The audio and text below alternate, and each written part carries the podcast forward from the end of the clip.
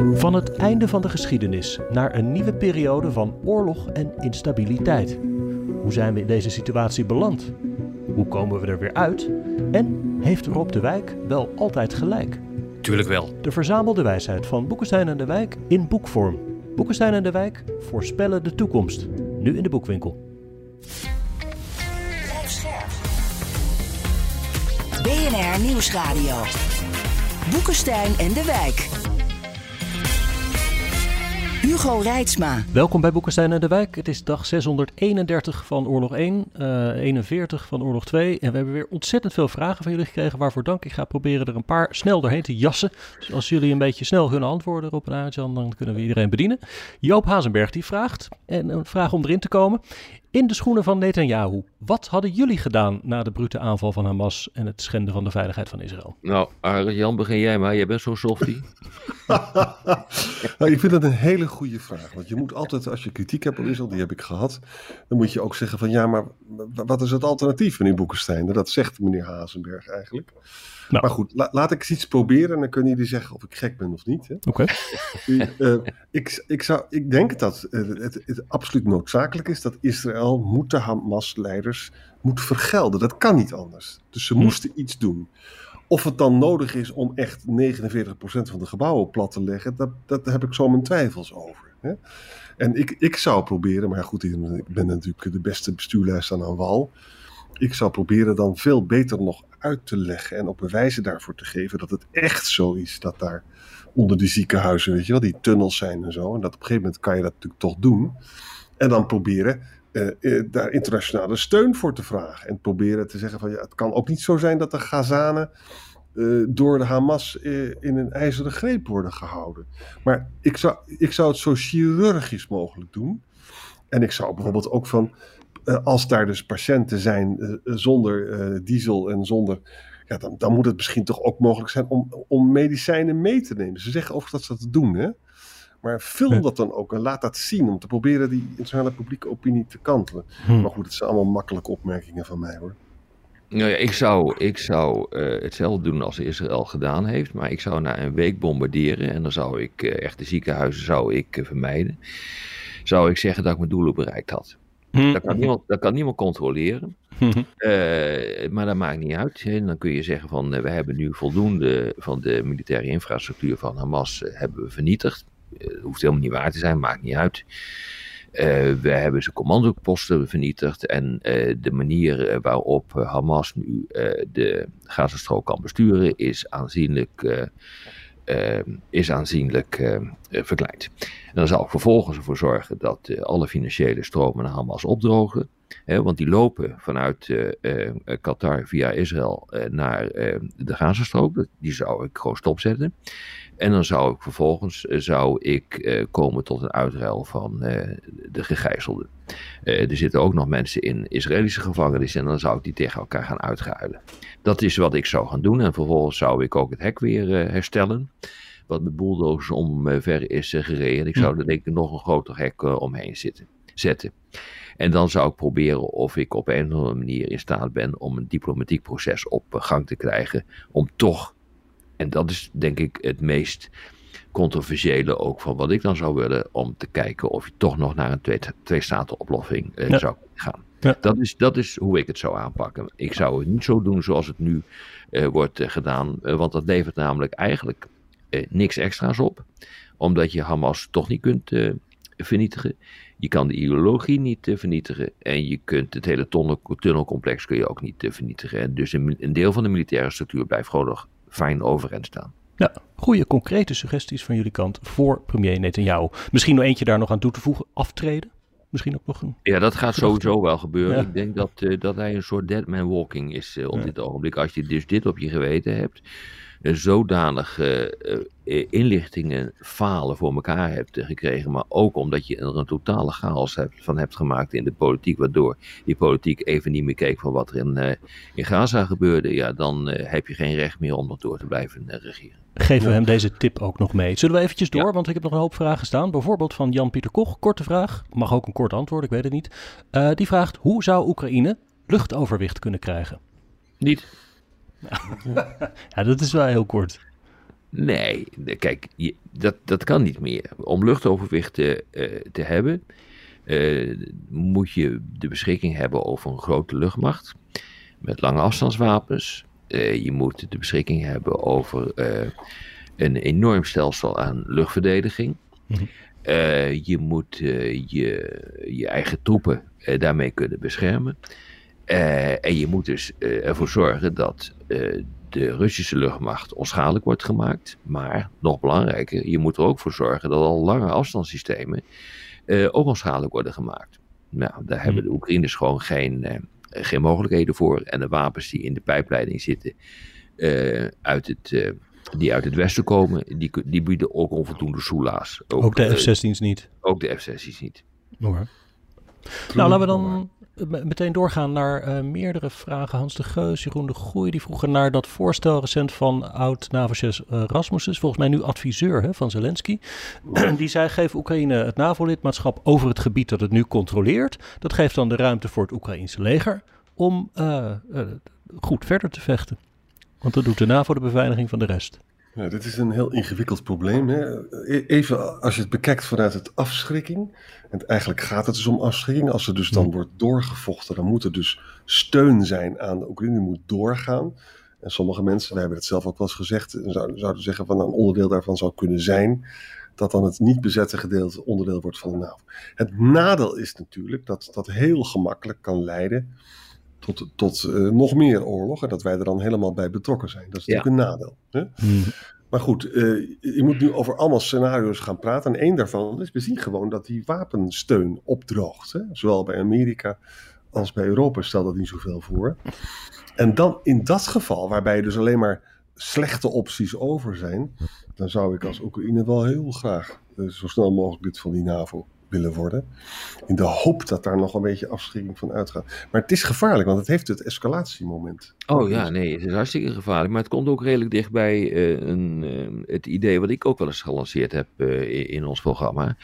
je kan het alleen maar doen als er een staakt het vuur is. Dan zou je dus, als er nu een staakt het vuur is, vandaag, dan zou je eigenlijk morgen Oekraïne lid moeten worden van, lid moeten maken van, van de NAVO en de afschrikking van toepassing verklaren op, bezette, op het niet bezette gedeelte van, eh, van Oekraïne. Dat, dat zou, in theorie zou dat kunnen.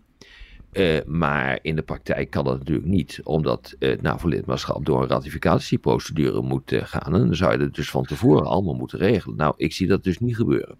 Dus ook mijn, mijn eigen voorstel, die ik eigenlijk alleen maar heb gelanceerd om aan te tonen dat het eigenlijk niet kan. Om hm. aan te tonen hoe onwaarschijnlijk moeilijk dat is om dat voor elkaar te krijgen. Ja, dat, uh, uh, dat gaat je dus gewoon niet lukken, denk ik. Uh, daar krijgen politiek de handen niet voor op elkaar. Maar het zou in theorie zou het kunnen. En dan zou dus inderdaad de afschrikking gelden voor het gebied wat niet bezet is door, uh, door Rusland. Hey, en misschien als ik nog een variant mag proberen op deze voorstellen. Je doet dus nou, wat Rasmussen zegt, maar dan zonder doorvechten. En ook zonder een staakt het vuren. Namelijk, uh, je maakt wat, wat nu nog steeds Oekraïne is, dat maak je onderdeel van de NAVO. En op de dag dat dat gebeurt, houdt Oekraïne op met vechten. Zeggen ze een eenzijdig staakt het vuren. Dan, dan moeten ze dus een deel van een gebied opgeven in ruil voor het NAVO-lidmaatschap. Nou, dat hoeft je niet te doen. Je hoeft dat gebied niet op te geven. Dan realiseer je dat uh, West-Duitsland was lid van de NAVO, Oost-Duitsland niet. Nee, dan zou je kunnen denken van uh, misschien op langere termijn diplomatiek uh, kan er nog wat. Maar dan, dan regel je dus zelf het staakt het vuur. Ja, maar dat kan dus alleen maar als er dus Amerikaanse troepen en Europese troepen in Rusland, in Oekraïne worden gestationeerd. Zo snel mogelijk. Want dan heb je namelijk een tripwire nodig. En hmm. volgens mij is er wel eens een keer over gedacht. Amerikanen, dat hebben we helemaal in het begin van de oorlog, uh, hebben we dat wel eens besproken. Die hebben toen een snel inzetbare strijdkracht uh, geformeerd in, uh, in, in Polen. En daarvan is er wel eens gedacht van misschien zou die dan de stap naar voren gaan maken. dus in, ja, in theorie zou het kunnen, maar dan moet je dus echt als een sodemieter in één klap moet je dus grote aantallen NAVO-troepen Polen in gaan, brengen. Want anders werkt die tripwire niet, die struikeldraad niet, waar uh, Rusland tegenaan loopt. Uh, en die is dan de struikeldraad uh, of het, het, signaal dat er dan nog veel meer gaat, gaat komen. Onder andere kernwapens. Want dit kan dus alleen maar functioneren als je dus gaat vertrouwen op de nucleaire afschrikking. Nou jongens, ik bedoel, we zijn ontzettend moedig in het eh, Westen, maar zo moedig niet hoor. Dat is echt een probleem. Dat is echt een probleem. Bedenk ook de, de zwakke positie van die verdeelde positie van de Republikeinse Partij. Bedenk ook als het allemaal gebeurt, maar een beetje te weinig, dat Poetin dat gaat testen. En dan Mhm. blijkt dus dat wij onze woord niet houden. Dan zijn we dus helemaal weg. Hè? Hm. Och, och, och, dit is zo gevaarlijk. Ja, nou ja, ik bedoel, het is een, eh, het is een onorthodoxe en een creatieve oplossing. Maar ik denk dat eh, iedereen, precies wat Aart-Jan zegt hoor, terugschrikt voor de enorme gevaren, de risico's die hieraan zitten. Gaan we door naar Jan Paul Hof. Die vraagt: Kan de EU niet even met de nodige peper in de reet een massale diplomatieke actie ondernemen om een duurzaam vredesproces op te zetten? Hij heeft het natuurlijk dan over die andere oorlog. Als het niets wordt, heb je nog altijd een boel internationale goodwill voor de moeite. Nou, hier moeten we misschien toch even iets uitleggen, Jan-Paul. Eh, heel vaak denken mensen, als je gewoon even aandacht besteedt, dan kunnen we dat eh, oplossen. zo'n enorm internationaal conflict. Terwijl eigenlijk, als je kijkt hoe dat nou gaat in de geschiedenis, dan worden dezelfde oplossingen bedacht. Meestal hebben we stoplapjes en dan breekt het later, breekt de pleuris weer uit. Hè. Het is helaas niet zo, als je er veel aandacht voor hebt, dat zo'n probleem oplosbaar is. Omdat het namelijk zo complex is en omdat er zo'n ongelooflijke mate van wantrouwen is en omdat ook de wereld er totaal verdeeld over is. Dus enige bescheidenheid hier is misschien toch wel op zijn plaats. Ik vind het wel zo. Er is een geitenpaadje naar een twee-staten-oplossing. En dat, moeten we wel proberen. Dat moeten we echt proberen. Maar kijk nou eens wat, wat, wat hier nu aan de hand is. Hè? Dus de Amerikanen proberen dat nu te doen. Dit heeft een enorme militaire dimensie. De Amerikanen hebben niet voor niks eh, twee carriers en een onderzeeboot eh, geplaatst in het eh, gebied. En dat is eh, bedoeld om ervoor te zorgen dat de boel niet verder escaleert. En omdat het niet verder escaleert, heb je de ruimte, de mogelijkheid om ook, laten we zeggen, op termijn een vredesproces af te dwingen. Nou, dat kan de Europese Unie helemaal niet doen, want we hebben helemaal geen militair apparaat binnen de Europese Unie. En de, eh, de militaire apparaten die er zijn, die zijn van de lidstaten en die stellen geen reet voor. Dus ik bedoel, wat zou je dan willen doen? Hoe zou je dat kunnen doen? Dus je, het- wat zich hier wreekt, is dat de Europese Unie gewoon geen geopolitieke speler op dit gebied is. De, Euro- eh, de Europese Unie is niet in staat om machtsinstrumenten te gebruiken om iets bij andere landen af te dwingen. Als het gaat om dit soort conflicten, dat Hm. kunnen ze niet. Ik bedoel, we hebben de afgelopen eh, jaren niet, zijn, niet, we zijn de afgelopen jaren niet eens in staat eh, geweest om, om op te treden, bijvoorbeeld in Afghanistan, om daar iets voor elkaar te krijgen. En dan denk je dat het hier wel kan. Kom op, dat, dat, gaat Ja. dus niet. Dus een totale overschatting van wat de Europese Unie zou kunnen. Eh, de Amerikanen hebben er geweldige moeite mee, maar moet je eens even kijken wat, wat ze op dit ogenblik op de mat brengen aan militaire macht. Als backup om partijen onder druk te zetten, inclusief Israël, eh, by the way. Nee, dat kan de Europese Unie gewoon niet doen. Dan zou je eerst echt een echte geopolitieke speler van de Europese Unie moeten maken. Willen ze dit kunnen, kunnen doen? En dat betekent een enorm militair apparaat in Europa. Dit is dus speak softly and carry a big stick. Hè. Je kan dus Ja. alleen maar diplomatie bedrijven als er een geloofwaardige eh, militaire backup is. Hè. Bedenk goed, die twee aircraft carriers en die andere vessels, die houden dus de Houthis in bedwang hè, in Jemen. Ze houden de Sjiitische milities in eh, Syrië, Iran, eh, Irak onder in bedwang. En ze houden Hezbollah ook nog een beetje in de gaten. Nou, dat, dat kan Europa. Europa kan alleen maar praten. Ja. En, en je hebt echt ook die militaire component heb je nodig. Om ook eh, eh, met enige, kra- enige kracht Hm. erbij te Maar zou het ook niet juist in het voordeel van Europa kunnen werken dat het zwak is? Dan kan Amerika kan de, de hardware leveren. En Europa, juist omdat het een beetje zo'n wat meer middenpositie inneemt. En omdat het geen grote speler is. Hè, zoals je had ooit de, de Oslo-akkoorden in wat hoopvoller tijden. Dat deden dus de Noren. Die hebben ook geen vliegdekschepen. Ja, maar de Noor, het is- wel mislukt, de Oslo-akkoorden. Dat Nou, kan alleen maar- jongens. Sorry, maar dat kan alleen maar als de partijen de bereidheid hebben om te gaan praten. Dan kan de Noren wat doen. Eh, maar iets afdwingen, dat is echt een heel ander verhaal. De, Hm. de Noren is een klein land. eh, het, ze hebben een krijgsmacht van niks. Dus die kunnen dat gewoon niet. Ehm, behalve als de partijen zelf bereid zijn om tot een oplossing te komen. En dat kunnen ze alleen maar als ze, al- als ze moe gevochten zijn. Ja, zonder militaire backup, jongens, wordt het, als je gaat onderhandelen zonder militaire backup, dan zit je heel vaak een beetje tegen de maan te praten. Nou ja, dat, dat kan wel als de partijen zeggen van, nou eh, hebben we zo hard gevochten en nu schiet het ook werkelijk geen meter meer op. Eh, nu gaan we echt onderhandelen. En dat je dan een soort bemiddelaar erbij eh, brengt, prima. Dat kan bij wijze van spreken Liechtenstein zijn. Hm. Maar, maar, Rutte. maar in, dit geval, in dit geval, waar partijen onder druk moeten worden gezet, een oplossing moet worden eh, gevonden in een situatie waar escalatie dreigt, nee. Dan heb je echt het militaire eh, vermogen nodig. En anders lukt, je- lukt je dat niet. Zie wat Amerika op dit ogenblik aan het doen is. Exact. En we hopen dat Europa dat als een inspiratiebron ziet. Zeker als Trump straks wordt gekozen. Dat de mensen gaan zeggen: we zullen zelf ook een militaire macht moeten kunnen projecteren in de toekomst. Nou, Arend Jan, die discussie die hadden we eigenlijk al moeten hebben afgerond eh, toen Trump in het zadel zat. Dus ik Ja. bedoel, eh, als we dan nog een keer erover gaan nadenken, Mhm. en, en, en dat gaan we dan doen, pas, dan is het veel te laat. We sluiten hier denk ik mooi aan bij de laatste vraag die ik voor jullie eh, tot het einde had bewaard van Stand en Hoeven. Die zou graag van de heren, dat zijn jullie, willen weten wat hun geopolitieke stemadvies is. Als in welke partijen hebben het meest oog voor onze onzekere toekomst met betrekking tot Rusland, eh, Verenigde Staten, noem maar op. Zet hem op, eh Arend Jan. Ja, het is, het is toch wel een beetje een somber verhaal, maar laat ik positief beginnen. De, de partijen dus de 2% steunen, nou die weten we allemaal wel, dat, dat is dan minstens nog iets. Maar de ellende is dat bijvoorbeeld over de echte dingen waar het over gaat, hè, bijvoorbeeld ook over de Europese Unie en waar dat naartoe moet en de uitbreiding en zo. Dan hebben we weer een nieuwe partij, die heet het Nieuw Sociaal Contract en die gaat praten over opt-outs. En die praat over veto's en Ja, zo. ja. Ja, en dat kan niet ik eens, dus- ja, het is gewoon Het kan- historische Het kan niet eens.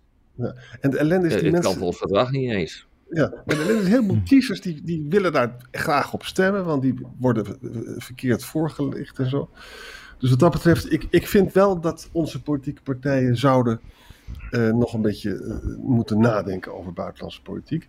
Ik moet je wel zeggen, er zijn goede uitzonderingen. Eh Henri Bontebal had een mooie speech over Europa, waar allemaal dingen in zaten. Laurens Dassen denkt echt na over Europa. Timmermans natuurlijk vanzelf ook, maar ja, die is dan weer heeft, is volkomen allergisch voor kernenergie, wat ik dan niet begrijp, want we hebben die experimentele kleine centrales in de totale mix natuurlijk wel nodig.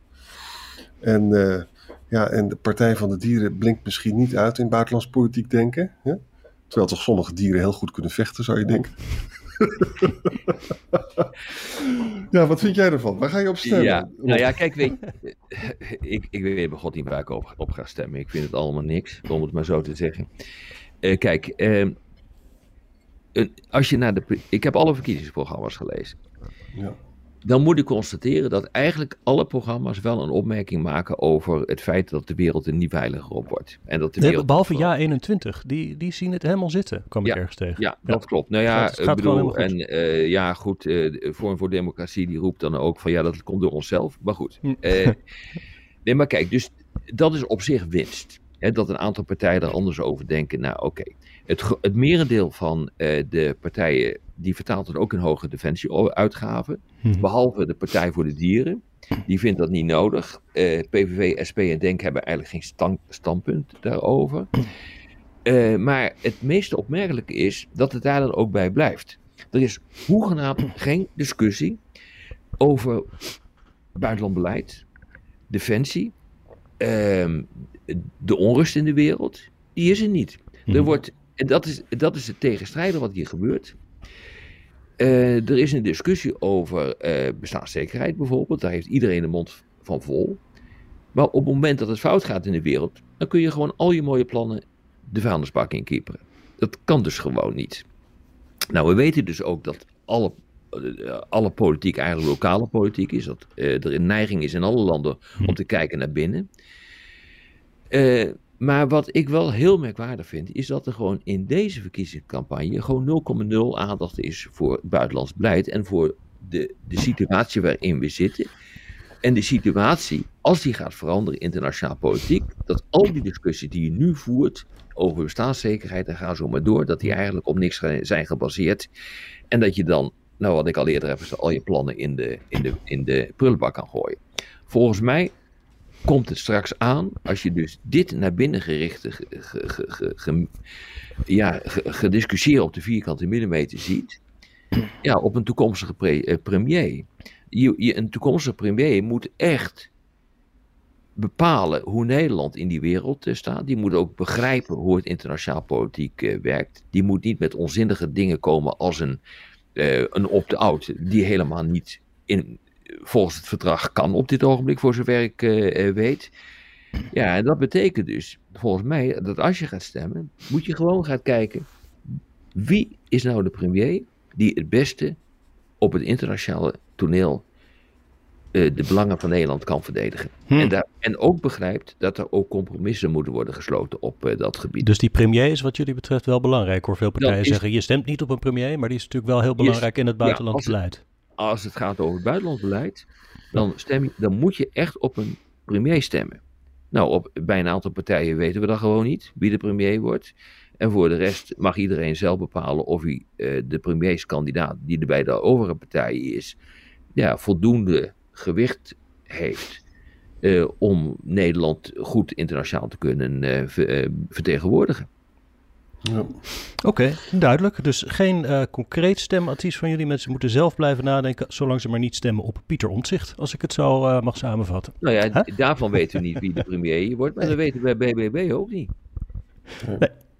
En, en, en eh, bij de anderen weten we dat wel. Nou ja, dan moet je maar gewoon eh, bepalen wie, als je het dus geopolitiek bekijkt, als je het bekijkt over de positie van Nederland in de wereld, ja, dan moet je echt kijken wie de premierskandidaat eh, is. En dan moet je maar bepalen of je daar eh, je geld op wil inzetten. Duidelijk. Weet je, weet je wat ook een probleem is, jongens? Wij, we hebben nu politici die kijken dus heel erg naar al die focusgroepen. Hè? En dan komen ze met een lijstje waarin dus Europa heel laag staat. Hè? En wonen en zorg natuurlijk heel hoog. Nou, je verwacht van politici dat ze ook eh, eh, tegen het volk zeggen van... maar ik geloof dat het toch ook een heel groot veiligheidsprobleem is. En ik vind dat heel belangrijk. Dat moet je dan dus uitleggen.